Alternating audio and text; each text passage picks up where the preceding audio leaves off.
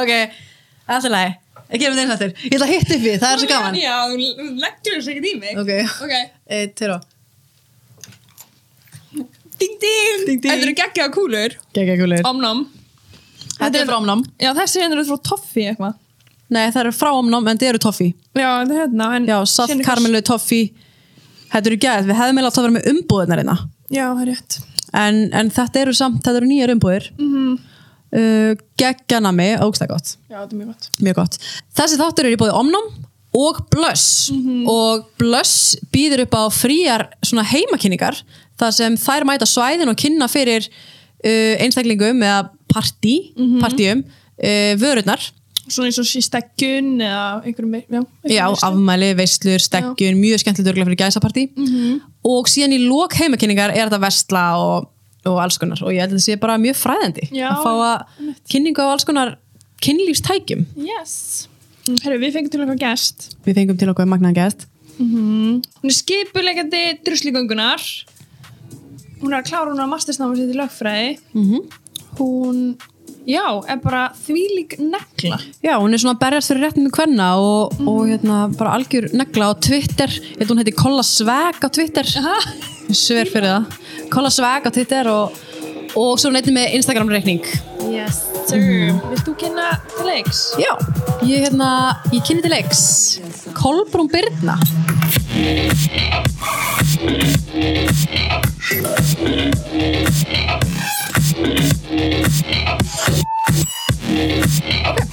Yes, sir. Velkomin. Já, velkomin Já, bara auðvitað svona ég hitta hérna það er ekki okkur annað sens. En hérna, svona fyrir það sem þekkja ekki þá hérna, ætla ég beða kannski um að kynna þig Já, uh, ég heiti Kolbrún, ég hérna, uh, er svona eina af þeim sem skipuleg druslugöngara. Mhm. Uh, ég er að klára meistarnám í lögfræði. Uh, Í HÍ? Já, HÍ. Ok. Og hvað er meira? Ég er að vinna fyrir frú Ragnæ hjá Rauðkrossunum. mm, Hvað er það? Það er svona skamingunar úrræði fyrir set, fólk í hérna vímefnaneyslu og við erum svona út og heimilislust fólk og þá erum við að koma með nýjan búnað og, Mm. og úrræði fyrir þau Ok. mm, Þau geta einmitt farað til þess að fá nýja nálar Já, og síðan fá þau sálfræði meðferð. Aha. og við hjálpum líka, þú veist, einmitt ef að þau þurfa læknisaðstóð og eitthvað að panta tíma og, Þetta er alveg mjög fallegt. Mjög fallegt úr Og hvað ertu að gera þar? Ég satt, uh, er lagandi minn þeirra þannig að ég er uh, að skrifa skýslu fyrir hérna saminuð þjóðunar um bara stöðu heimilislösa á Íslandi Já, þannig að við erum að reyna að halda utan með hann hóp betur ok. Hvað ertu, hvað ertu búin að vera lengi í þessu? Bara druslegöngunni Já. sko ég byrjaði hvað er það, 2000 og- 2015 er fyrsta druslegangu mín og þá kem ég bara þarna sem úst, þá var ég sett í óbæltisambandi og kem þarna og, og svona verð bara fyrir nánast bara einhverju uppljómun og finn bara svona ok, það er eitthvað eitthvað sem ég þarf að gera í mínu málum ég þarf bara að koma mér út. Og eftir það þá byrja ég bara svona í bara aðstofa við að skipleggja og er bara búin að vera þarna síðan 2016 cirka Ok, já, býtu, þú, þú ferð inn í drustigönguna meðan þú ert í sambandi. Já, og bara basically bara helgina eftir druslingunguna þá losnaði ég úr því. Þannig að það var alveg svona hjút skref fyrir mig. Og þá svona leið mér alltaf eins og ég svona þyrfti einhvern veginn að þakka fyrir mig eða þú veist ekki þannig en samt svona maður vildi alltaf gera eitthvað og hugsaði bara hvað það hefði mikil áhrif og þá svona langaði maður að taka þátt og hjálpa fleirum yfirbútt. Og þetta var 2016? Já, Ok. eða 2015 sem ég fyrir fyrst og 2016 Já. sem ég byrjaði að ég, ég ætla alveg að vikina það, ég tók eftir 2016, Já. það er ástæðan okkur ég fattaði, veist, mitt kynferðislegt ofbeldi var þetta ég bara sá drusligönguna og brotnaði bara algjörða niður en ég ætla að vikina var aldrei mætt og ég var aldrei þetta er náttúrulega ótrúlega heavy eða þú veist, Já. ég fatta það ekki einhvern veginn til að byrja með því maður er bara svona smá dofin kannski fyrst ef maður mætir og svo verður þetta bara þú veist, það er ekkert sem jafnast á þessa tilfinningu þegar maður horfir upp skólaverðstíðun og sér bara hrúa fólki og finnur bara einhvern veginn að það eru allir þarna í sama tilgangi einhvern veginn. En drusligang, drusligangan er sem sagt, uh, hvað? Þetta er svona, þetta er bæði mótmæli og bara svona til stuðnings þólenda ofbeldis og það aðalega uh, kynferðisofbeldis en að sjálfsögur líka bara alls kynbyttisofbeldis og allt það. Og við erum alltaf með einhverju svona ákveðna áherslur uh, hvert ár. Við tökum til dæmis fyrir hérna kannski sérstaklega fræðslu um ofbeldi gegn föllum konum eða gegn hérna konum erlendum uppruna. Þá ári hvert. já og reynum alltaf svona að hafa eitthvað svona Þema. einhverja sérstaka áherslu. Já, einmitt Ok, hvað hérna um, ég veit, þú veist, við getum alveg reynda að klifta þetta út ef, hérna, en væru til að segja okkur frá bara hérna kannski ofbeldinu í þínu sambandi? Já, sko alveg svona per se að því að hérna, byrja ég aðeins að færa mig. Okay. um, sko ég tala ekkert mikið um það svona ekkert svona í einhverjum dítelum en mér finnst ekkert mál að ræða það ég var í opildsambandi í þú veist 2,5 ár, 3 ár nánast og það var rosalega yfirgrupsmikið og maður fattar ekki alveg þegar maður er í þessum aðstæðum hvað þetta tekur bara yfir all lífið. Þú ert hérna bara, þú veist, útilokar frá vinunum og þú ert hérna, veist, það er bara einhvern veginn, allt lífið er svolítið litað af þessu. Mm -hmm. uh, og þá hérna já, þetta var bara, þú veist, einmitt líkamlegt, andlegt og, og kynfyrirslegt ofbeldi. Og ég man ennþá eftir bara svona þegar maður þú veist, þetta var að byrja sem eitthvað svona líkamlegt ofbeldi að hafa bara litið í speil með, þú veist, marblitti utan um hálsin og verið bara eitthvað svona í hverju er ég, einhvern veginn en síðan einhvern veginn, já, maður einhvern veginn fatta ekkert almennilega aftur tæm að þetta var eitthvað alvarlegt, svona þannig sé Nei, er maður ekki líka svona, maður er bundin svona tilfinningum Jú, algjörlega. mannesku -hmm. og maður er bara svo blindaður af því þú ert alltaf, þú veist það er að koma alltaf þessar góður hlýðar það koma alltaf þessi góðu tímabil Já, og það heldur maður bara, já, er núna er þetta búið að breytast einhvern veginn. Og svo náttúrulega heldur þetta áfram í einhver bara, þú veist, þetta er bara vítarhingur Mhm. endarus þannig að, já, síðan sem þegar ég losna úr því, þá tók það með alveg frekar langan tíma að bara melda þetta allt og bara Mhm. svona opna mig um þetta. Um, og þá um eitt skýruru allar nýjar kærustir sem koma eftir honum, nei, koma eftir mér segi til hans þú veist, þær voru að öskra á mig neyri bæ bara, þú veist, að ég var einhver lying bitch og veist, bara eitthvað að ráðast á mér á prikinu, skýruru Mhm. en vitan, vitandi ekkert um eitthvað samband? Vitandi ekkert, haldandi bara að ég sé einhver legari og síðan þú veist, kannski halva ára eftir eða whatever, þegar þær voru svona búnar með sitt skeið hjá þeim þá koma þær allar alltaf til mín og voru bara beðast afsökunar og, og svona staðfestu einhvern veginn að þær hefur lendið í sama. Og þá er það, þú veist, eins hræðilegt og það er það er það ákveðin viðurkenning að finna svona, ok, ég er ekki Já, er ekki að bulla, ein. þú veist. Eins hræðilegt og það er að þurfi fleiri að lenda í sama gerund og þú til þess að þú fáir þessa staðfestningu þá er það samt svona að, einhver svona ákveði viðkenning Þú veist, hefur, hefur hugsað eitthvað um að hérna, hann veit vissilega upp á sér sökina? Það, það er já, alveg 100% eða svona að einhverju marki því að vinir hans hafa alveg komið að mér sagt einhverju svona meðverkir vinir hans hafa komið að mér og hérna og tala um það eitthvað svona já, ég veit að hann lamdi þig en þú líka varst að espaði upp í honum. Og svona réttlætta fyrir mér einhvern veginn og þá svona veit maður ok, hann allan er alveg að segja þetta þannig að þá hlýt ég með að segja þetta einhvern veginn. Já. Svona, Já, þetta viðhorf er líka ótrúlega skrítið að taka því að ef, ef þér finnst að einhver annar um, megin lemja einhvern já, að er, er, er, er það eitthvað sem þú gerir þá líka? Já, nokkulega þetta er mjög surrealist sjónarhótt myndi ég segja. Þetta er svona, já, Þetta er- Algjörlega. Já, en þannig að þú ferð að einhver tröstigönguna uh, 2016 og eftir það ertu bara búin að vera að vinna í bara, að berjast já, fyrir. bara öllum þessum Úst, auðvitað tekur maður alltaf hérna, maður tekur alltaf svona pásun á milli af því að þetta er ótrúlega líjandi en síðan einhvern veginn þegar maður hefur orku þá finnst manni og maður þurfi pína að nota svona sína reynslu til þess að meila áfram af því að eins og þegar ég var hvað, 17-18 ára þá bara vissi ég ekki að kærast að mann skætu nöðgamari ég bara vissi ekki Já. að það væri hægt. Eða skilur ekki, ég bara hafði ekki hugmyndum að sko ofbeldi í samböndum er til það nýtt. -hmm. það hérna ég man eftir að vinkonu mín hún lendir í svakalu uh, ofbeldi í sambandi þegar við erum í tíundabæk og þá var það hún hefði sagt við mig hérna kærasti minn er að beita mér ofbeldi þegar ég var í tíundabæk ég hefði bara, ég vissi ekki að vera til sko. Já, nákvæmlega. Og hún skrifar um eitt uh, rítgerðir um þetta og er að vinna svolítið í þessu núna. Og þetta er bara mér minnir það eru svona sex ár síðan eða eitthvað, að þetta var svona svolítið svona þetta er thing Já, ég mani mitt þegar að hérna, stegum að byrja með sjúk ást Mhm. herferðina sína fyrir bara nokkrum árum. Mhm, svo Þá- flott herferð. Já, þá var þetta bara svona í fyrsta skipti Já. sem ég heyrði um svona fræðslu ever Mhm. og mér finnst það einhvern veginn svona úst, eins sorglegt og að vara að hugsa um það vá, ég vildi að þetta hefði verið til fyrir tíu árum og ég hefði kannski ekki lent í þessu en þá auðvitað er alltaf svo jákvægt úst, ok, þá eru kannski fleiri sem að sjá einhver merki og koma sér út fyrir Mhm. þannig að það er auðvitað alltaf jákvægt eins mikið og þú veist þetta áfall náttúrulega bara ég bara vildi óska þess að það er aldrei lendi í þessu en finnst þér þetta einhvern veginn svona hafa mótað þessi mannesku Mhm, 100% Já. það er bara uh, já, ég held að það hafi líka bara svona hjálpað mér einhvern veginn að að því maður verður svo ótrúlega lítill í sér og maður verður eitthvað svo veikburða að þá svona hjálpar þetta mér að verða bara ég og koma bara fram sem ég. Og vita að ég þurfi ekki að vera hérna, kærast á þessa eða skilur þurfi ekki einhvern svona stimpil út frá einhverjum öðrum. Algjörlega. Mér finnst það mjög svona dýrmætt. Já, og mér finnst einmitt líka mjög áhugavert þú talar um, þú veist þegar maður er í ofbeldissambandi þá er maður bara það koma góði tímar. Mm -hmm.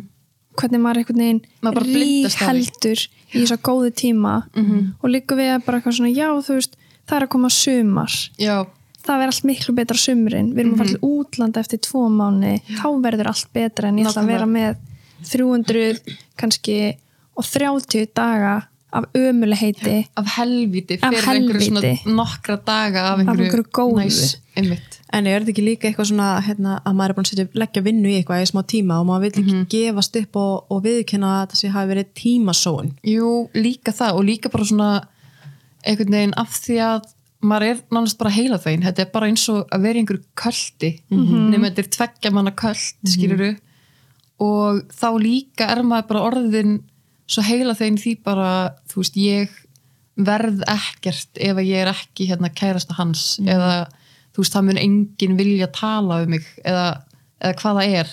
Það er enginn betri að það úti á einmitt. þetta skilið nákvæmlega og þá einhvern veginn er maður pínu bara svona ætla ég að vera ein það sem eftir er lífsmýns og aldrei tala við neitt eða ætla ég að eiga einna þess að 20 góðu daga á ári einhvern veginn sem er alltaf fárálegt að hugsa en maður verður svona ástfangin af potentialinu. Mm 100% maður sá einhverju hlið sem maður vill og maður verður bara heldtekinn að því. En ég færði svo, ég sjálf fæst spurningar í inboxi mitt uh, stelpur sem eru að tjekka uh, hvort að sitt samband sé andlegt ofbeldi. Þú veist, svona, þú veist, er, er ég í andlu, er ég í sambandi með það sem er andlegt ofbeldi út af því að eh, fólk er einhvern veginn það veit ekki hversu langt það má láta yfir sig ganga einhvern veginn.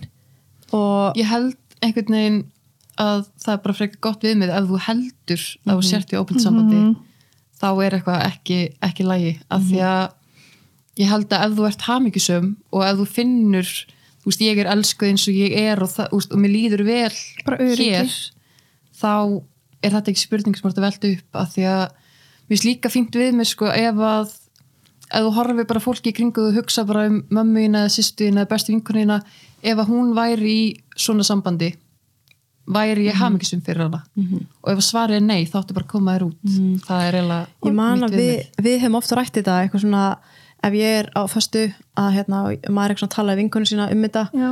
og hún er að segja við mann kannski bara, herðu, þú veist, þetta er ekki í lagi, þetta er ekki í lagi. En á sama tíma, svo fer ég út úr þessu svo fer kannski þú inn í eitthvað og ég er alltaf að ráðulega þér einhver sem, sem ég segja ég myndi ekki vera á þessum stað en samt hef ég verið þarna. Eða skil, skilur hvað ég Já, meina? veist. maður vill alltaf einhvern veginn betra fyrir aðra heldur en Já, sjálfa sig. 100% Algjörlega. að því maður er einhvern veginn svona eitthvað svona, já ég höndli þetta. Ég hérna, get látið þetta yfir mig ganga. Af því að maður er eitthvað svo harður af sér eða ég veit ekki eins og hvað, Nei. þetta er bara þrjóska en svo finnst mér líka oft sem að svona, veist, ég er algjör ræðari sko. ég er bara, ég ræði hlutina. Veist, Já, ég ég er bara alveg óþólandi típa, sko. þú veist, ég er bara alltaf að greina, allt bara af hverju líðið með svona já, alveg. Það- og ég er mitt þarna, ég er búin að ringja í fimm vinkonum mínar ef eitthvað rángra mig, sko. Mhm. og þá er mitt voru að tala um, ég þetta um, ég var að útskýra fyrir henni eitthvað.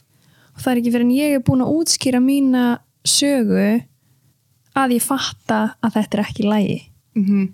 og þú veist, þetta bara oft bara eitthvað heyrðu, þú veist, þetta er ekki lægi eða þú veist, Mhm. bara samskipti bara hvert sem er, skilju en það er einmitt ekki fyrir maður er búin að segja einhverjum Ég og vil bara segja það upp Já, eitthvað að lesa hátt. tilbaka mér finnst líka rosa gott alltaf að skrifa notes í síman mínum og síðan lesa þetta og vera eitthvað svona er þetta eðlilegt? Já. og svar er oftast nei þannig að þá svona þarf maður aðeins að kannski algjörlega Já, einmitt, mér finnst bara hérna mér finnst, einmitt þetta er kannski önnur umræð sem þarf að taka bara eitthvað svona andlegt ofbeldi út af það er svo ótrúlega lúmst og ég vissi það ekki fyrir en ég er eins og í mínu sambandi núna að bara þetta geta lið þannig að ég myndi aldrei detta í hug að hugsa til að það sé einhver tímapunktir tímapunktir í sambandum mínu sem er andlegt ofbeldi. Mm -hmm. bara, er, maður er bara svona það hafmyggjusamur að ég vissi ekki að maður ætti þú veist að upplifa svona mikla ást skilur, Já. að þetta væri bara sambund eru ekki ógeðslega mikil vinna skilur, sambund er, það eru ekki alltaf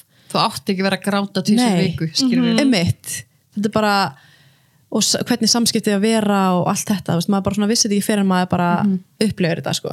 100% og líka bara svona það svo fyndi þegar maður kemst úr þessu kemst í eitthvað heilbrygt að vera pínu bara svona á þetta að vera svona gott. Er, þetta, þú veist, er þetta alvöru einhvern veginn? Og það svona hræði mann smá eins hræðilegt að það er en þá bara að maður veit ekki hvað maður á gott skilð mm algjörlega sko. Og þetta er hérna en hvernig er það hérna á þínu þú ert mikið að tala um svona hlut á Twitter. Talar, ertu líka að svona fara út í sama bóðskap á Instagraminu Já, ég reyni einhvern veginn þú veist, þegar ég tek svona þú veist, rödd, þegar ég tek bara svona tímabil það sem ég bara spýti öllu út þá reyni ég bara að dreifa því af því að þá er ég oftast með eitthvað sem ég langar að komast til skila mm -hmm. og hérna, þetta byrjar oftast þannig ég byrja bara allt í einu að gera eitthvað þráð á Twitter án þess að vita eitthvað hvert ég ætla með hann ég bara, þú veist, hérna er ég að hugsa eitthvað og mér langar bara að spýta því út og ef einhverju sammál mér þá er það bara flott Mhm. og síðan einhvern veginn þegar það byrja að rúla þá oft svona setjið það á Instagram ef mér finnst það eiga við Mhm. þannig að þá svona reyni ég einhvern veginn að ná því svona ná að dreifa bóðskapnum uh, meira, betur Einmitt. Já, hvenar var það aftur hérna fyrsta svona MeToo-bylgjan? 2017 Hún var 2017. Það út á hvað gekk svo bylgja? það var fyrst og fremst bara konur að segja ég hef líka lent í ábeldi mm -hmm. það var einhvern veginn svona nummer 1, 2 og 3 og það var rosa mikið af nafnlausum sögum Mm uh, það var rosa mikið af svona hópum bara þú veist við hérna innan íþróttarhefingarnar eða við hérna innan tónlistakeirans höfum rosa marga lent í einhverju -hmm. og koma út með svona samilegar yfirlýsingar úst, við erum 50 skiluru Mhm. uh, en síðan einhvern veginn núna upp á síðkastið þá finnst mann eins og fólk hafi kannski bara ekki alveg tengt þetta að þetta hafi verið út um allt og að allir hafi lent í þessu þannig að þess vegna finnum maður einhvern veginn núna að fólk er kannski frekar að stíga fram með nafni og veist, með mynd af sér og segja ég hérna sem þekki ykkur er líka þórandi -hmm. Mhm. Þegar núna er bara önnur MeToo-bylgja í gangi og ég fór eitthvað svona að hugsa hver svona munurinn á þessum tveim bylgjum að því að fyrir mér núna er þessi kannski aðeins meira umfangsmeiri í rauninni Já, mér finnst þetta meira að vera svona við erum búin að útskýra það að við höfum flest upplifað eitthvað -hmm. En núna er þetta pínu bara svona við þurfum eiginlega að útskýra fyrir ykkur hvað þetta er mikið og hvað þetta er alvarlegt Mhm. og þú veist, ég hef ekki bara lent í einu tilviki, ég hef lent í þúsundum tilvika skilur, úst, og um leiður komið með andlit á þetta þessar konur, þá ferði einhvern veginn svona ég held að fólk taka þetta meira til sín og Já. líka því að fólk er líka að nafngreina uh, ymsa gerendur án þess að kannski nafngreina þá eða án þess að segja til hvað þeir hafa gert en Já. það er reyndar, mér finnst það persónulega smá flóki þegar að fólk er að nafngreina fólk án þess að segja þetta er hérna, þú veist, andlit ofbeldi eða þessi er, þú veist, að byrla fólki. Af því það er bara styggsmunur og maður þarf pínu, þú veist, mér persónulega finnst ég þurfa að vita hvort ég þurfa, þú veist, bara halda þetta með drikki minn í kringum hann eða hvort að ég er kannski bara ekki heilsunum eða þú veist Einmitt. hvað, einhvern veginn, hvað lína einmitt. en hvar, hvar höldum við, þú veist, hvar byrjar þessi, af hverju byrjar þessi MeToo-bylgja núna? Sko fyrir mér þá byrja þetta í kringum þetta umtalaða mál hérna hvað, fyrsta mæ eða eitthvað? Já, hérna, mm. Sölva Tryggva. Já, Já. af því þá sem sagt þú veist, án þess að ætla að taka neina afstöðu um neitt sem gerist þar, þá bara fór það ótrúlega mikið í mig að einhver maður sé ásakaður um eitthvað og hann getur síðan bara tekið sinn plattform sem að er rosalega stort podcast, þetta er bara nánast eins og að vera með fréttatíma á stöð 2 og segir bara ég er saklus og fyrirsagnir í bara á helstu Já. vefmiðlum eru bara Sölvi Tryggvason er saklus Já. það er ekki staðreind það er bara, hann segist vera saklus hann, þú veist, hvaðist vera saklus en hann er ekki það er engin búin að dæma hann, það er engin búin að og þú ert ekki dæmdur saklus, þú ert bara síknaður eða skilur Já, þannig að líka einhvern veginn að það fó bara rosa í mig hvernig hann einhvern veginn gat bara stíði fram og sagt ég er saklus og þá komu Mhm. bara mörg þúsund manns og svo er bara já auðvitað ert þú það því Mhm. þú ert svo góður að því þú hérna þú ert svo Góður myndalegur að þú þarft ekki að nauðga og ég bara þú veist, excuse me bara, Já. þú veist, Það minn kveiknaði nauðgar er bara frekar myndalegur en hann gerir það samt, skýrur það bara kveiknaði í húsinu annars sko. Já, svo líka er svolítið sérstætt við að, hérna, að þetta hérna, lekur í fjölmiðla. Þannig að hérna, og þetta er einhvern veginn hérna, adressaði, hann adressar þetta svo sögursagnir á undan þess að hérna, þannig er þólandi ekki ekki búin að stíða fram. Já, þannig að það er Mér einhver finnst það þólandi líka ofbeldis. alvarlegt sko, ef það eru einhver raunverulegar ásakanir og eitthvað mál í ferli, það er ótrúlega alvarlegt að stíga fram á undan þólandunum og segja ég gerði ekkert en þólandinu reyna sverta mannorð mitt og þá er ótrúlega alvarlegt ef allir taka undir það. Mm. að því þá erum við búin að draga undan stöðu þeirra þólanda sem koma síðan fram. Já. það er akkurat sem svona, svo leitið þess er að bara við þurfum að trúa þólundum mm Já, einmitt að hérna, en, en svo á, á móti er þetta svona e, líka sérstætt að vera í þeirri stöðu að þú, þú náttúrulega byður ekki um að vera þólandi ábeldis þú byður ekki um það að þú kannski vildir ekkit endilega stíga fram og þurfa að þarna er vera svona smá neyð eitthvað til þess að stíga fram. út í Já, svona í hotnin Já, til þess að þurfa að koma og hérna þetta er líka rosa flókin staða að því að það líka það bara fer úst, við sem þjóð við bara svona erum svolítið að dæma ykkur mál án þess að vita nýtt þannig að þú veist það hvort að gerandin séð þú veist ótrúlega hérna, vel liðin einstaklingur í samfélaginu eða hvort hann veist líti út fyrir að vera glæpamaður eða skilur að þá allt í náttúrulega við eitthvað að leggja einhver dóma það og meina ekkert okkar var þarna og ekkert okkar veit hvað gerðist þannig að mér finnst það mjög, mjög alvarlegt bara eitt og sér sko mm Akkurat sko Akkurat. Þetta er hann að en nú er sérst búið að það voru tvær konur sem komu og kærðu og, og þetta fer það væntalega bara fyrir Já, bara í dóm ferli. Mhm. eða þannig um, og svo núna er MeToo-bylgjan líka eða sem eins og við sögum í myndbandinu þú veist við ætlum að að trúa Mhm. ekki að reyna, við ætlum að trúa þólendum um, svo sá ég líka margir eru að tvíta og tala um það þú veist að Eh, en hvað með gerendunir hvað með þá sem eru ránglega sakaðir Mm. er það einhver umræða líka Já, auðvitað, en mér finnst fyrst og fremst bara ég held að flestir hafi einhver tíman farið yfir einhver mörg hjá einhverjum bara líka ever. bara mörkin okkar liggja mismunandi. Já, einmitt, fólk bara mörg. túlkar það á mismundi hátt. Þannig ég held að sama hversu saklis þú heldur úr sér þá ættir þú samt svona aðeins að líti einn barm.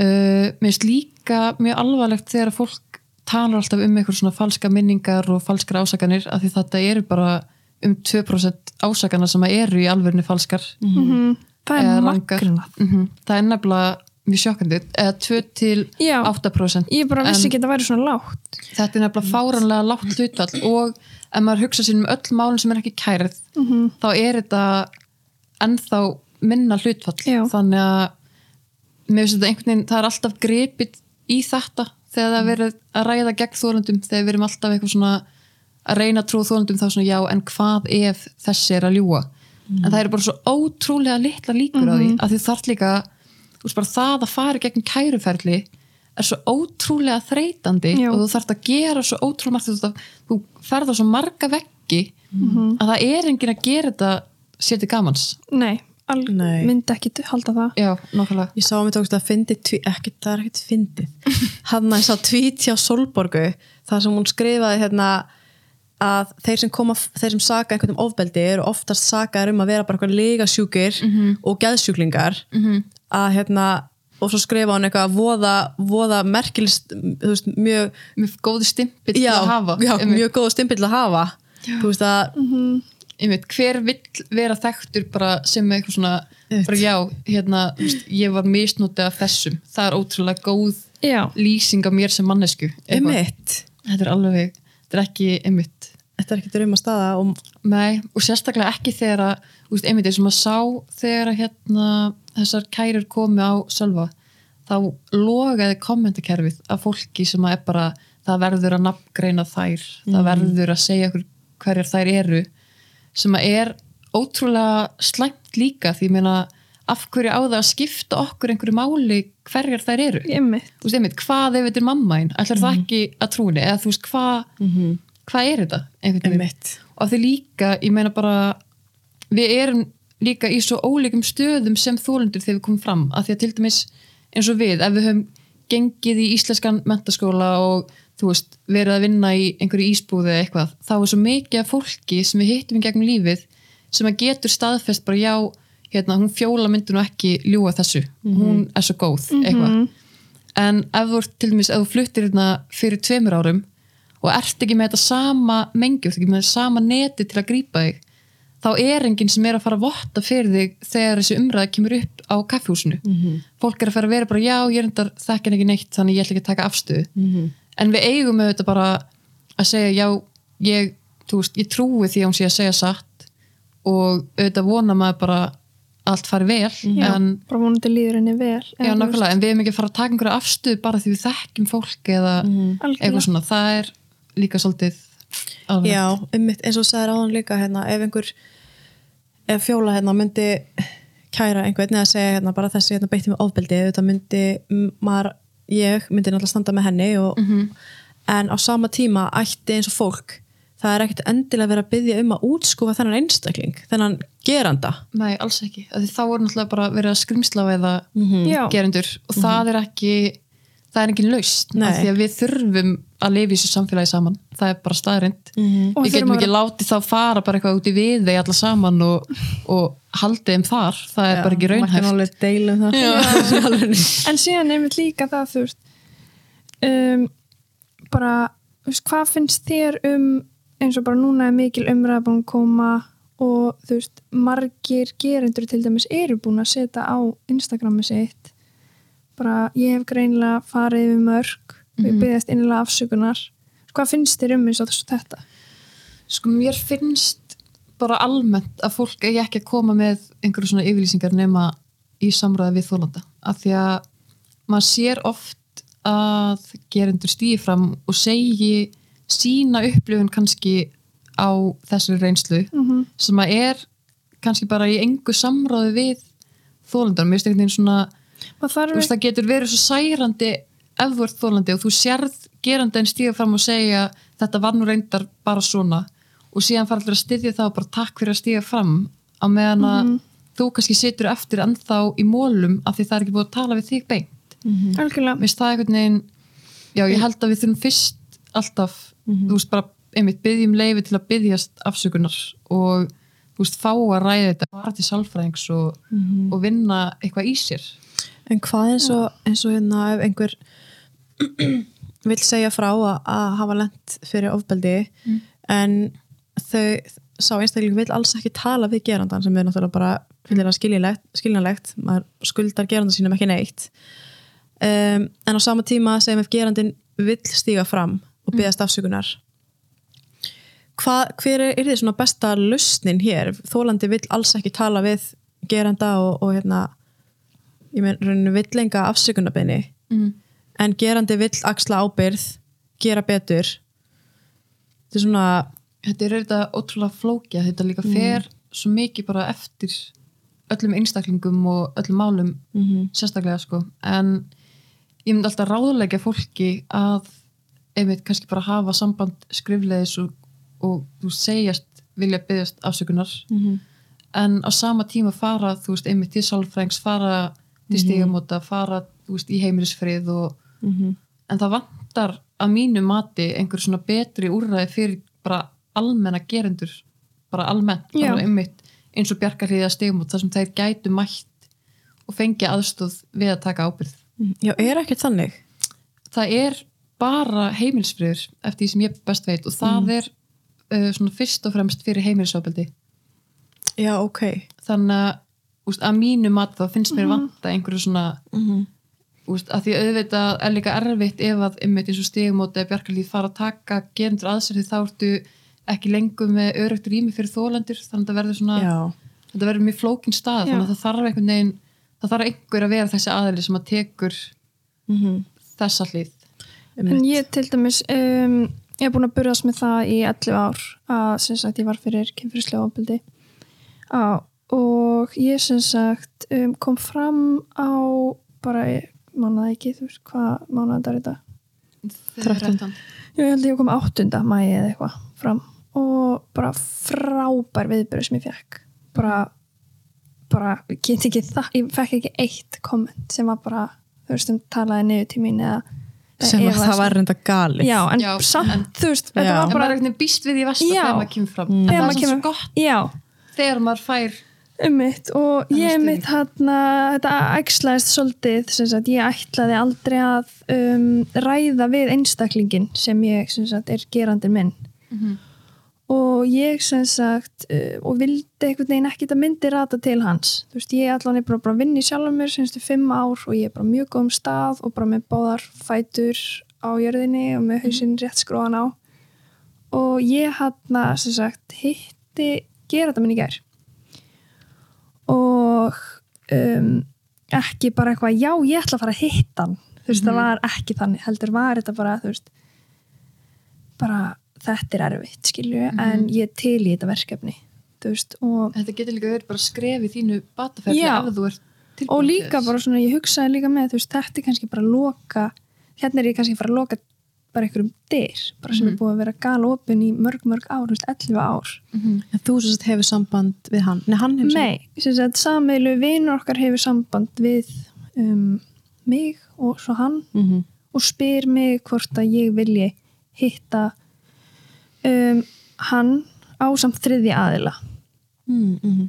þannig við hittum sem sama með þriðja aðila og sem var bara þú veist mann einhvern veginn, þú veist náttúrulega gerist í gær, en bara svona þú veist, hann, þú veist, bara við opnum dyrnar, og ég sá hann ekki strax en ég heyriði bara röddina á hann og bara púlsi minn fór frá 100 eða þú veist, fór, bara upp í 160 bara á, og ég fekk bara svona ógist tilfinningu svo bara satt ég heyrist alveg bara. Þannig að fór ég sem sagt ég þannig að bara satt á mótunum og just um, hann fyrir strax bara að verja sjálfa sig. Er það? já. Hann fyrir strax bara í bara mín upplifin var ekki svona veist og mín hann að ég vil samt beða einilega afsökunar og takk fyrir að koma að hitta mig. Mín upplifin var ekki svona. Mér leðilegt að þín upplifin Mm -hmm. var svona og ég bara sat hann á mótunum og var búin að fara til veist sálfræðings bara nokkrum sagt bara tveim tímum áður. Bara svona hvað vildi ég upp úr þessu þú veist hvað, þú veist bara svona taka skrefin saman. Og hann hann að já, situr hann á móti mér allar ekki að taka ábyrð á neinu finnst leiðilegt að mín upplifin hafi verið svona. Og ég var bara að horfa á hann. Og ég var bara ég er að fara að jarða þig þú veist, ég var bara þú veist, ég var bara ha? þú líka bara afkvært að þessu þú ætlar ekki að taka ábyrð Já. ég var bara Er þetta, maður svona veltis fyrir sig hvort það sé eitthvað svona að hann vilji líka bara fá einhvers konar svona eitthvað closure eitthvað closure að bara, bara skúpa þessu undir teppið, skilur ég bara, ég fór og hitt hann, ég er búin að, þú veist, axla ábyrðina Mhm. Já, en hvernig, þú veist, einmitt það, þú veist, hann axla enga ábyrð, eða skilja, þú veist, þannig að ég einmitt bara sata mitt á mótunum og ég sá hann bara frá minni upplöfum hversu mikið hann er búin að hafa áhrif á mitt líf, bara, þú veist, hann bara, líka bara það slutinni sem ég hef látið vaða yfir mig, bara yfir æfina var bara út af bara litlu sjálfsáluti Mhm. og ég var bara, þú veist, og bara alltaf með í maganum þurfti að skipta um, sem sagt, íþróttalið út af, þú veist, hann var í þessu íþróttalið uh, ég þurfti, hann bjósist í bæ í útlöndum, sama tíma ég hálft ár fór ekki einu sinni neyri bæ á þessum tíma, bara ekki einu sinni neyri bæ að vestla því ég var bara hætti með hittan Hvað varstu gömur á þessum tíma? Varst, þarna var ég, þetta, þetta var ég var náttúrulega var 13 ára. Já, þegar þetta gerist. þetta gerist en þarna er ég orðin mm, 20 20, 21 En hvað var hann aftur gamall þegar þú varst 13? 15 Já, hann var 15 mm og já fyrir mig ekkert kannski í gegnum söguna en hún er Nei. Instagraminu mínu. En hann að já og ég bara segi við hann veist, mér langar að gefa þið tækifæri hérna þú veist og tækifæri að vera betri maður og þú veist ég vil virkilega og leiti þér aðstofar en ef að það enda samt svoleiðis að ég veit, veit þú ert ekki að leita þér aðstofa það er ekkert að gerast neitt hjá þér. Þá kæri ég vel gert. Og hann bara láta fólk axla ábyrð og líka bara það, þú veist ég lappaði bara eitthvað svona og svo var ég bara, ég hef ekkert meira að segja og stend upp og bara lappa út. Og í dag, þú veist, það, það er bara 24 klukkutíma liðnir en ég er bara eitthvað svona þú veist þú er peðið hérna sko. Ég er drottningin ég skilju, þú veist, er þú veist, þú ert sá sem snýrðir við núna. Mm -hmm. Einmitt, þú, getur lappa nýri bæ og hann bara að fara heim. Mm þú veist, það var akkurat sem ég bara vissi ekki að ég myndi fá út úr þessu. Einmitt bara taka þitt pláss tilbaka? Já, og tók bara einhvern veginn bara algjörlega, þú veist mitt plast baka og ég bara mm. Til drullir það. já, takk fyrir en þú veist, aftur á móti þú veist, ef ég tala bara veist, þetta er alveg risk að gera þetta. Mm -hmm. þú veist, maður getur endur upplifað áfallið ef maður hittir gerenda sinn. Maður getur farið neðar. Maður getur þú veist, það er svo mikið af tilfinningum sem hægt er að, veist upplifa á þessum tíma veist þannig, ég myndi algjörlega ef, ég, ef að einhver ætlar að fara þessa leið að hafa þriði aðila. Vera búin að reyna Selva gerði sambarlegt og skrifaði bókum það og, og hérna er þetta um ást nei, hvað var það aftur? hún hérna gerandinn er erlendur já, ástralskur. Já, já, já, já, og hérna og þau voru mitt uh, voru sama þau voru úlingar og, Mhm. og hann brutaðin og þá hittast þau og hann kemur þarna til að taka ábyrð og, þau fara síðan og er minna fyrirlestur og segja bara þetta var mín leið. Já, þau voru bara í ekki? en einmitt, þú veist, ekki endilega ráðleiki fólki gera þetta heldur meira bara svona, veist, þetta er líka hægt. Já, ef að fólk hefur áhuga á og ég myndi aldrei pressa á til þess að gera þetta. Líka þetta er svo mikilvægt að, að koma inn að maður skuldar gerenda sínum ekki Mhm. neitt. Nei, ekki neitt. Nákvæmlega þú veist maður þarf ekki að láta hann vita að hann hafi gert þetta. Mm og það er líka ekki að fyrirkjórum Nei, maður þarf ekki að og ég það var sagði líka rosa, rosa lengi var það einhver mantra fyrir svona kannski 5-6 árum það sem að maður heyrði það alltaf hjá meðferðaðalum svona þú þarft að fyrirgefa honum fyrir þig þannig að, Mhm. þannig að þér líði betur. Mm. en mér líður ekkert endilega betur með það að fyrirgefa einhverjum. Eða þú veist, þetta er pín bara svona þú veist, ég ætla ekki að halda einhverju hatri inn í mér ég er samt ekki að segja að þetta hefur verið í lægi Nei, nei, Já, nei. en þú veist, það er mitt máli, þú veist, ég hann sagði bara fyrir gefðu að þér leið svona, þú veist, mm Mhm. jari, jari og ég bara, ég er aldrei að fara að fyrirgefa þér og ég blikkaði ekki eins og augunum, sko. Já, ég meina, já, það er líka ekkert að eða, veist, hann er bara búinn að brjóta þér Já. og búinn það er svo, það er svo, svo langt tímabil sem þú ert sem þér líður illa Mm bara, það er ekkert hægt einhvern veginn að þú getur alveg sagt hann getur alveg sagt það, skilur en það þýðir rauninni það ekkert þýðir bara ekki neitt, eins og staðan er núna, það þýðir ekki neitt fyrir mér.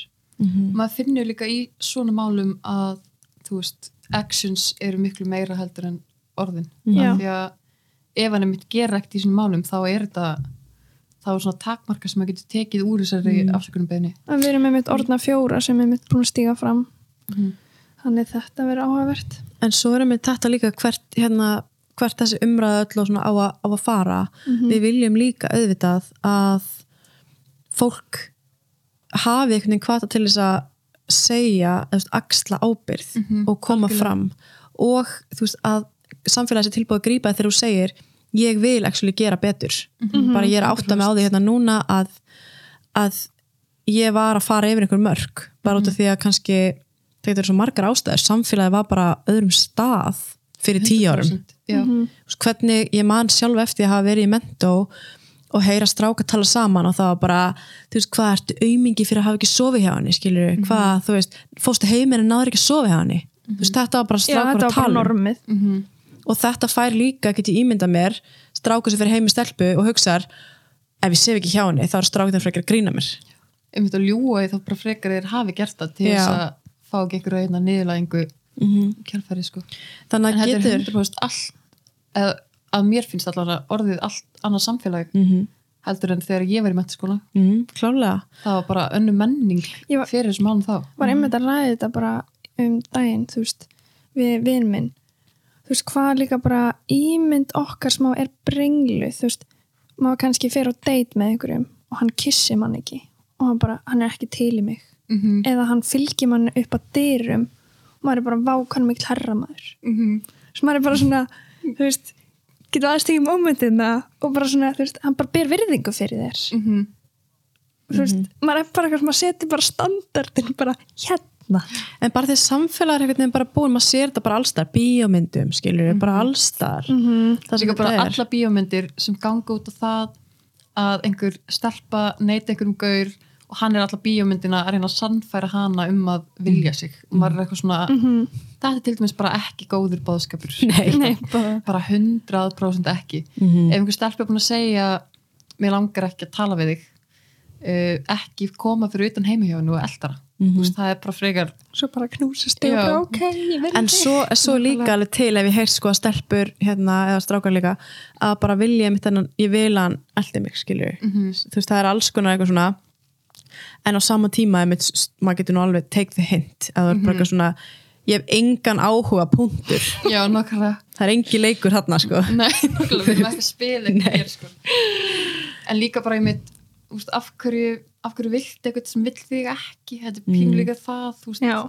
af hverju er það eitthvað eftirsóknarvert að vera eitthvað að eldast við eitthvað sem er ekki að eldast því tilbaka mm já, og sama með þetta eins og fyrir tíu árum þú veist að strákar fyrir mér er bara ef þú pressar á einhvern sem vill ekki gera eitthvað þá er það ofbeldi.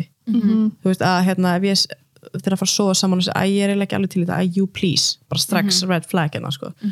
Og sama með þetta eins og þú veist að segja bara að ég held að fyrir tíu árum strákar sem er að hugsa núna að þeir myndu kannski aldrei gera þetta núna í dag.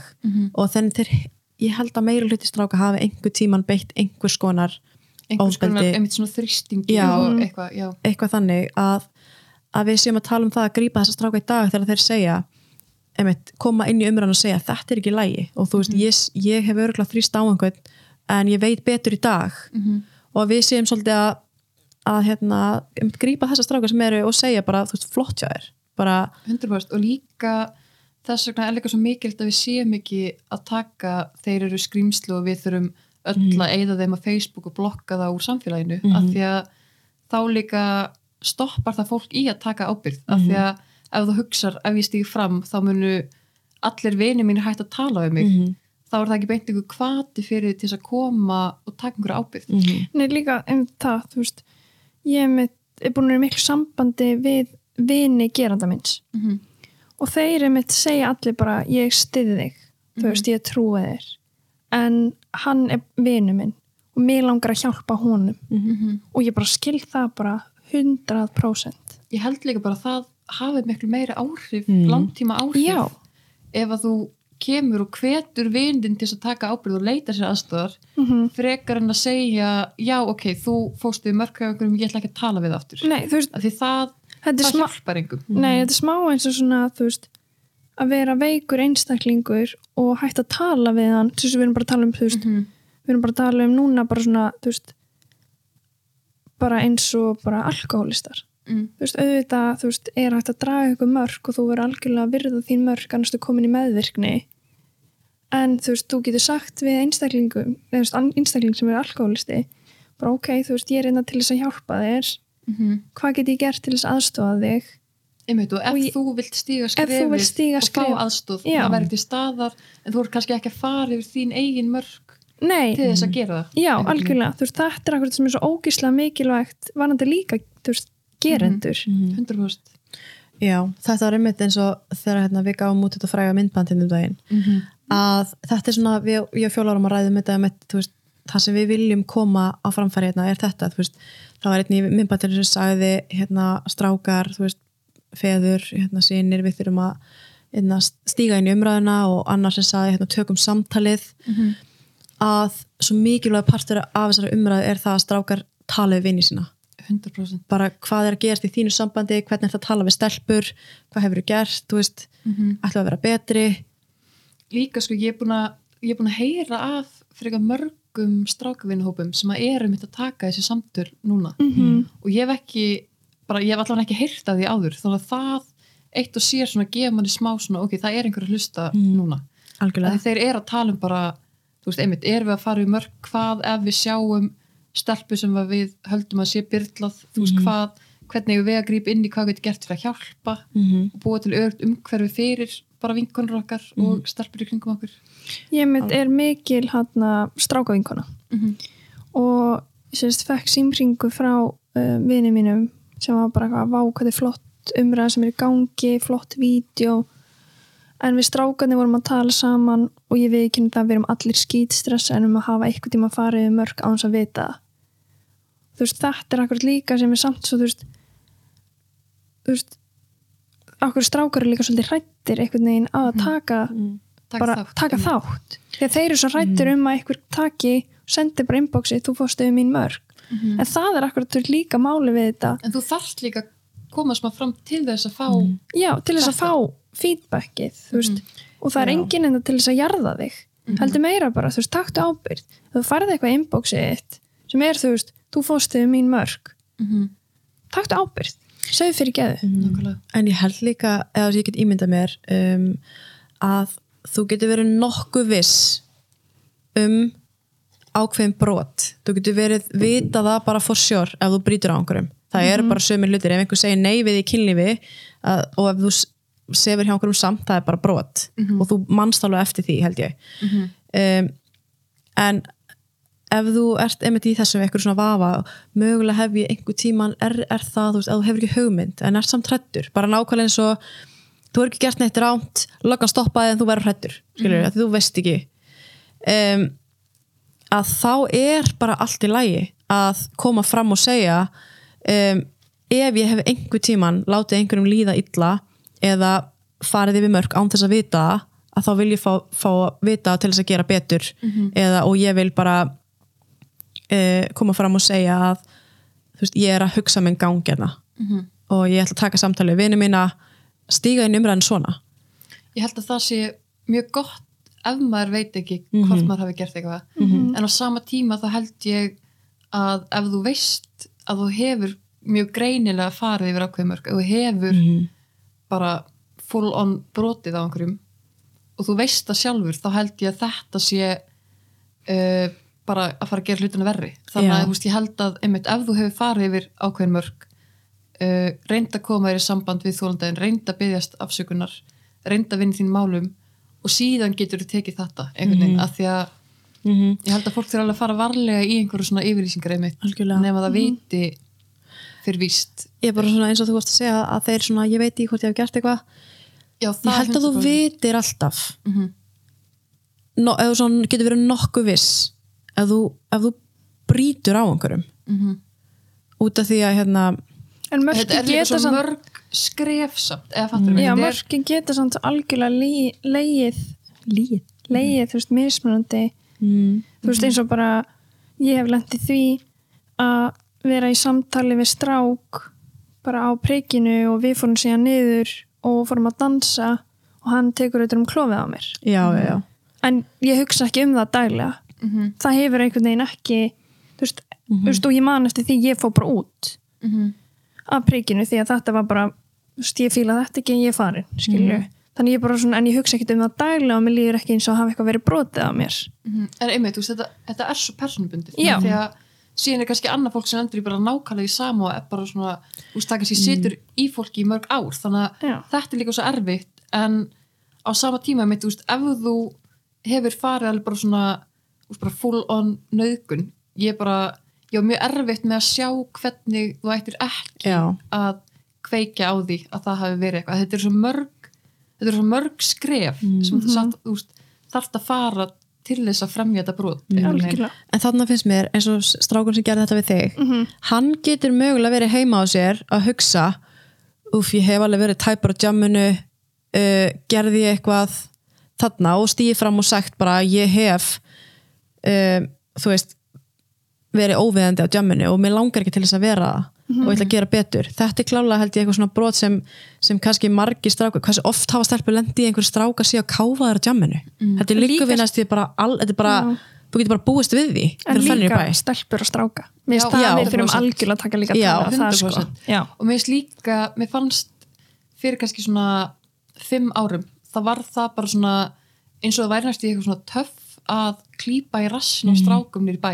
Mhm. Þú veist, þetta var bara svona, Já. já, ég ætla að áreita þig á móti. Og maður er eitthvað svona, þú veist, það er ekki það er ekki leiðin sem við erum fara. Við erum frekar eitthvað svona, ekki gera þetta við neitt við.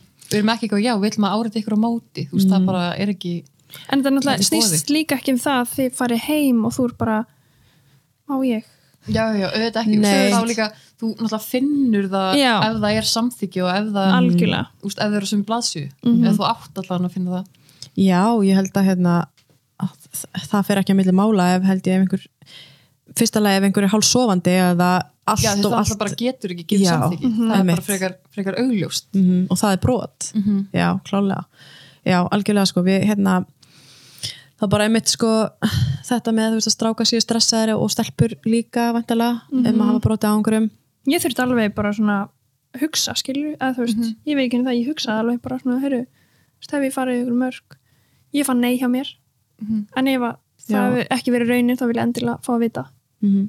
algjörlega, því maður vill líka bara taka ábyrgð já, Það er- ég vil 100% taka ábyrgð algjörlega en maður fer svona að pæla einmitt í þessu að hérna eins og þú veist, þegar einhver strákar koma ópenbarlega fram Mhm. um, segjum bara í tónlistamindbandi eða myndbandi með eitthvað og, og það er verið að kalla það út fyrir að, að hérna, beita ofbeldi. Um, þú veist ég velti oft fyrir mig bara svona hv- hvað sé svona besta lausnin þegar við erum ekki með dóm, dómkerfið eða sem sagt bara kæru eða eitthvað svona inn í þessu. Þetta er bara einstaklingar að, að hérna, kalla út aðra einstaklinga þetta er rosa flókið af því að til að byrja með bara ef að, ef að réttakerfið virkar ekki eins og það á að virka þá erum við með svo lítið í höndunum af því að við finnum þetta til dæmis þegar við erum að fá til okkur tónlistamenn í druslugöngunni og þegar við erum bara, þegar fólk segist til að taka þátt eða, eða bara eru sjálfbáðlegar þá þurfum við alltaf að fara í eitthvað svona background check án þess að samt fara í ofinbert background check, heldur er þetta bara spurjum alla vin okkar, spurjum alla sem þekkir til þessa hérna gaurs. Og þá erum við eitthvað svona að reyna að forvitnast fyrir eitthvað, já, hefur einhver einhver tíman ásakað þannig um eitthvað? Og það er aldrei hægt að garantíja það af því að þú veist, það getur vel verið að þú hafi fengið tíu ásakanir á þig en enginn af vinuðinum veit af því. Þannig að þetta verður svo ótrúlega erfitt af því við getum auðvitað ekki tekið ábyrð á því hvað einhver annar hefur gert. Við þurfum bara að treysta því að fólk komi hérna með reyna samvisku og sé að gera þetta á réttum fórsetum mm -hmm. af því að við höfum alveg verið með, með gerendur sem að ganga hérna fremst í flokki í druslugöngunni og eru með gjallarhornin og skiltin og, og eru bara einmitt hérna, andlit druslugönguna nánast En hvað gerir þið í þessum, þessum aðstæðum þegar þið fáið að vita? þannig að við þetta, þú veist, ef við fáum að vita eitthvað sem að gerist oft bara mjög langt, úst, löngu síðar þá þarf alltaf bara að grípa inn og fólk þarf að stíga til hliðar og við reynum að bara hreinsa en það getur verið svo ótrúlega erfitt ef maður fær ekki vita, ef þetta verður bara eitthvað svona eitthvað sem einhver frétti og svo er þetta bara svona saga milli allra nema okkar og þá einhvern veginn verður þetta svo erfitt að stíga inn í það því að við úst, á sama tíma þá þeir auðvitað- náttúrulega bara algjörlega vissu þetta ekki. Já, að því auðvitað vill maður að kallmenn taki líka þátt. Og við getum ekki, þetta er einhvern veginn eins og valkostinni séu annarkvort bara já, við ætlum ekki að hafa neina stráka með efer eða þá bara við verðum að geta treyst þeim sem koma að þeir séu að gera það á réttum fósitum og að þeir séu ekki að leina okkur einhverju. Mm -hmm. en það eru þetta ótrúlega flókið því við getum aldrei vitað fyrir víst ef það er ekkit, ef það er engin dómsmál og, og ef engin kemur til okkar beint. En ef þið fáið að vita fyrirfram ef hérna einhver ætlar að taka þátt í drusligöngunni þeir fenguð að vita að sá einstaklingur hafi beitt ofbeldi Já, þá er hann átt. Það þá takk ég bara samtalið og Mhm. hefur það gerst Já, já, já. Og líka sko hérna uh, það verður gerst þegar við erum að halda einhverja viðbyrði að við erum með bara svona ákveðin bannlist að fólk lætur okkur bara vita Mhm. og þú veist, auðvitað er það allt, allt fyrir eitthvað flókið en Mhm. á sama tíma þá erum við að reyna að búa til örugt rými fyrir þólendur og þá getum við ekki fara að efast um einhverja ákveðna sögur og fara að sveigja frá einhverju og, og samt reyna að taka afstöðu með þólundum að því þetta verður bara Mhm. það er ekki hægt að vera inklusív bæði fyrir þólundur og gerendur á sama tíma Nei, ymmið, það er ymmið þetta er svona sama dilemma og með myndbandið sem fór í hérna dreifingu ég trúi. Að, að hérna, ég sá líka tvítið hérna, það sem er bara nánast ekki hægt að fá þú veist, fólk í, í myndbönd án þess að séu að fólk hafi beitt ofbeldi. Um, það sýnur okkur líka bara bara hvað þetta er ótrúlega stórt samfélagslegt vandumál af því að þetta er allstar og úst, auðvitað vill maður reyna að fá kallmenn með í þessu baráttu en á sama tíma þú veist, ef þeir koma þá þurfa þeir líka að vera bara ég þarf að taka ábyrð á því sem ég hef gert áður ef ég ætla síðan að vera hérna, með þórundum í liði. Mm út af hérna einmitt eins og þú varst að segja að það þurfa að skapa örugt rými fyrir þólendur alveg eins og hérna einhver svona herrferð fyrir þólendur þurf, þarf náttúrulega að vera þannig að það sé ekki triggerandi fyrir einhvern að horfa á vídeoið. 100% þannig að þetta er svona smá þetta er eins og hérna þetta sé bara út um allt núna það er búið fjarlæga vídeoið sem átt að vera þetta bara, bóðskapurinn er bara hvetja þólendur til að stíga fram og við ætlum að trú ykkur og allt þetta. Á sama tíma eru þá einhver einstaklingar fengnir í, í myndbandið og, og hérna það er verið að kalla einhvern út, bara herri þessi hérna beitt hefur uh, brotið á mér eða farið við mín mörg að þá er ótrúlega erfitt að einhvern veginn að, að vera ábyrðamaður fyrir einhvern. Eða skilur, svona eins og að þú í druslingagunum þurfa að taka samtali við einhvern og segja, herðu, því miður getur þú ekki verið með í verkefninu. Að maður er mitt bara svona fyrir gegnum sig bara er, er það rétt að leiðin, hvað maður að gera? Uh, þú veist maður vil skapa örugt rými fyrir gerendur líka en á sama tíma er þetta fyrir þólendur þetta er náttúrulega rosa erfið staða en á sama tíma þá þarf maður einhvern veginn bara að hugsa fólk ber ábyrð á sér sjálft fólk ber ábyrð á því sem það hefur gert og fólk þarf bara að eiga það við sína eigin samvisku hvort það hafi úst, hvort það sé með eitthvað á sér eða ekki. Og þá þarf maður líka að segja bara þú, þú skilur stöðinu sem ég er í ég get ekki tekið hann sjens mm -hmm. og þú veist og auðvitað líka trúum alltaf þólundum þannig að maður getur ekki, þú getur ekki tekið slægin og sagt eitthvað já, við ætlum samt að gefa þér þetta hérna space. Það er bara, það er eiginlega ekki bóði þannig að við einhvern veginn auðvitað þurfum við þá bara einmitt að þú veist, segja fólki að, að stíga til hliðar. En á sama tíma þá verður líka svo erfitt þetta er orðið svona ofinbært af því að þá er maður alltaf í nýju svona farin að áta fólk Já. nánast af því að, þú veist, einmitt eins og ef við gefum út hérna, þessi hérna tónlistamæður er að fara að syngja hjá okkur og svo hafa tíu mann samband og við þurfum að taka hann út þá eru það svona ákveðin skilabóð þegar við erum búin að taka hann út að fólk er eitthvað svona, já, hvert, hvert fór hann? Þannig að Einmitt. en á sama tíma verður held ég fólk líka að hugsa sko um, bóðskapurinn einmitt, í druslingaginni í einhver svona vídjóum er náttúrulega fyrir fyrst og fremst fyrir þólendur að horfa á. Bæði fengum við bara ótrúlega mikið skilabóðum frá, frá fólki sem bara gráti yfir þessu vídjói, bara Já. svo fallegt og þetta hjálpa mér. Og við viljum ekki að sé einhver þarna úti sem bara er traumatæst við að horfa á þetta. Og það er einhvern veginn vegur aðeins kannski herra svona í bara bóðskap myndband, myndbandsins og á sama tíma erum við svona ok, það er óslega gott að þetta sé líka skapast þessi umræðum að, að þarna þurfum við bara að hafa þarna þurfa einstaklingar að taka ábyrð sjálfum sér og, og, og bara, þú veist. Og auðvitað líka ef maður er að bjóða fólki í eitthvað svona verkefni sem að er með mjög afmarkaðan tilgang og bóðskap þá þarf maður bara að geta treyst því að fólk komi þarna á forsendum samvisku, og með reyna samvisku. Algjörlega.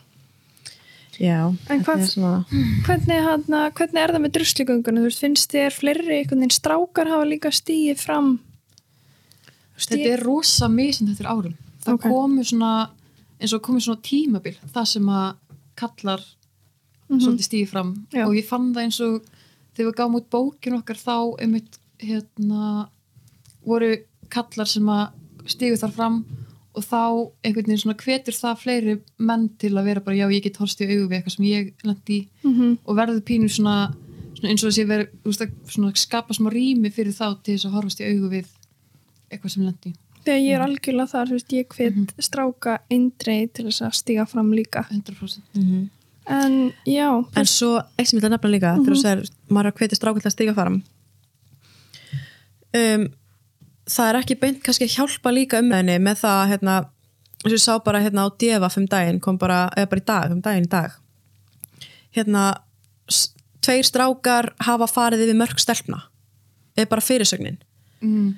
Og svona clickbaits sem kannski hjálpa ekki alveg líka umræðinni bara að því að fara yfir mörg er svo ótrúlega viðtækt Já. eða svona í þessu samhengi að því að þú einmitt veist ekki hvort hann hafi kallað á eftir einhverju stelpu eða úst, einhverjum óerðum eða hvort hann hafi úst, lamið fyrir undir kæristun sína skilurðu. eða hvort að skilabóðin sem þessi strákar farið við mörg stelpna, eitthvað tveir landstæktir menn Mhm. uh, var samt ekki pósturinn eða semst innleggi sem var, var póstað var sko að um eitt viðkynna líka kannski líklegast fa- farið mörg einhvers en á sama tíma að opna umræðan á að að axla ábyrð og að hvetja aðra en einhvern veginn er þetta sett upp sem svona hræðsla Mhm. fyrir aðra. Hver vill vera á forsíðinni bara eitthvað hérna, Jón, Jón, þú veist eitthvað fór yfir mörg Mhm. Þetta verður líka svo flóki af því að einhvern veginn stór, mjög stór hluti geranda hafa sjálfur lent í ofbeldi eða orði vitna ofbeldi í æsku. Mhm. og þá einhvern veginn að því auðvitað þurfum við líka að búið til rými fyrir þá til þess að stíga fram og axla ábyrð á sama tíma. Þannig að þetta verður svona úst, það má ekki úst, þetta á ekki að verða forsýðfrétt að einhver gangist við einhverju sem hann hefur gert. Úst, auðvitað eru afleðingar ef þú gerir eitthvað. Það er Já. bara, það er eitthvað sem að læra á leikskóla. Ég menna ef þú hendir dótirniðinu niður þá brotnar það, skilur þetta er bara þetta er ekki flókið. Nei, algjörlega. En þetta er svona spurning um hvort að hérna fá, þú veist að allir séu svolítið að taka þátt í þessu líka frétta miðlar líka.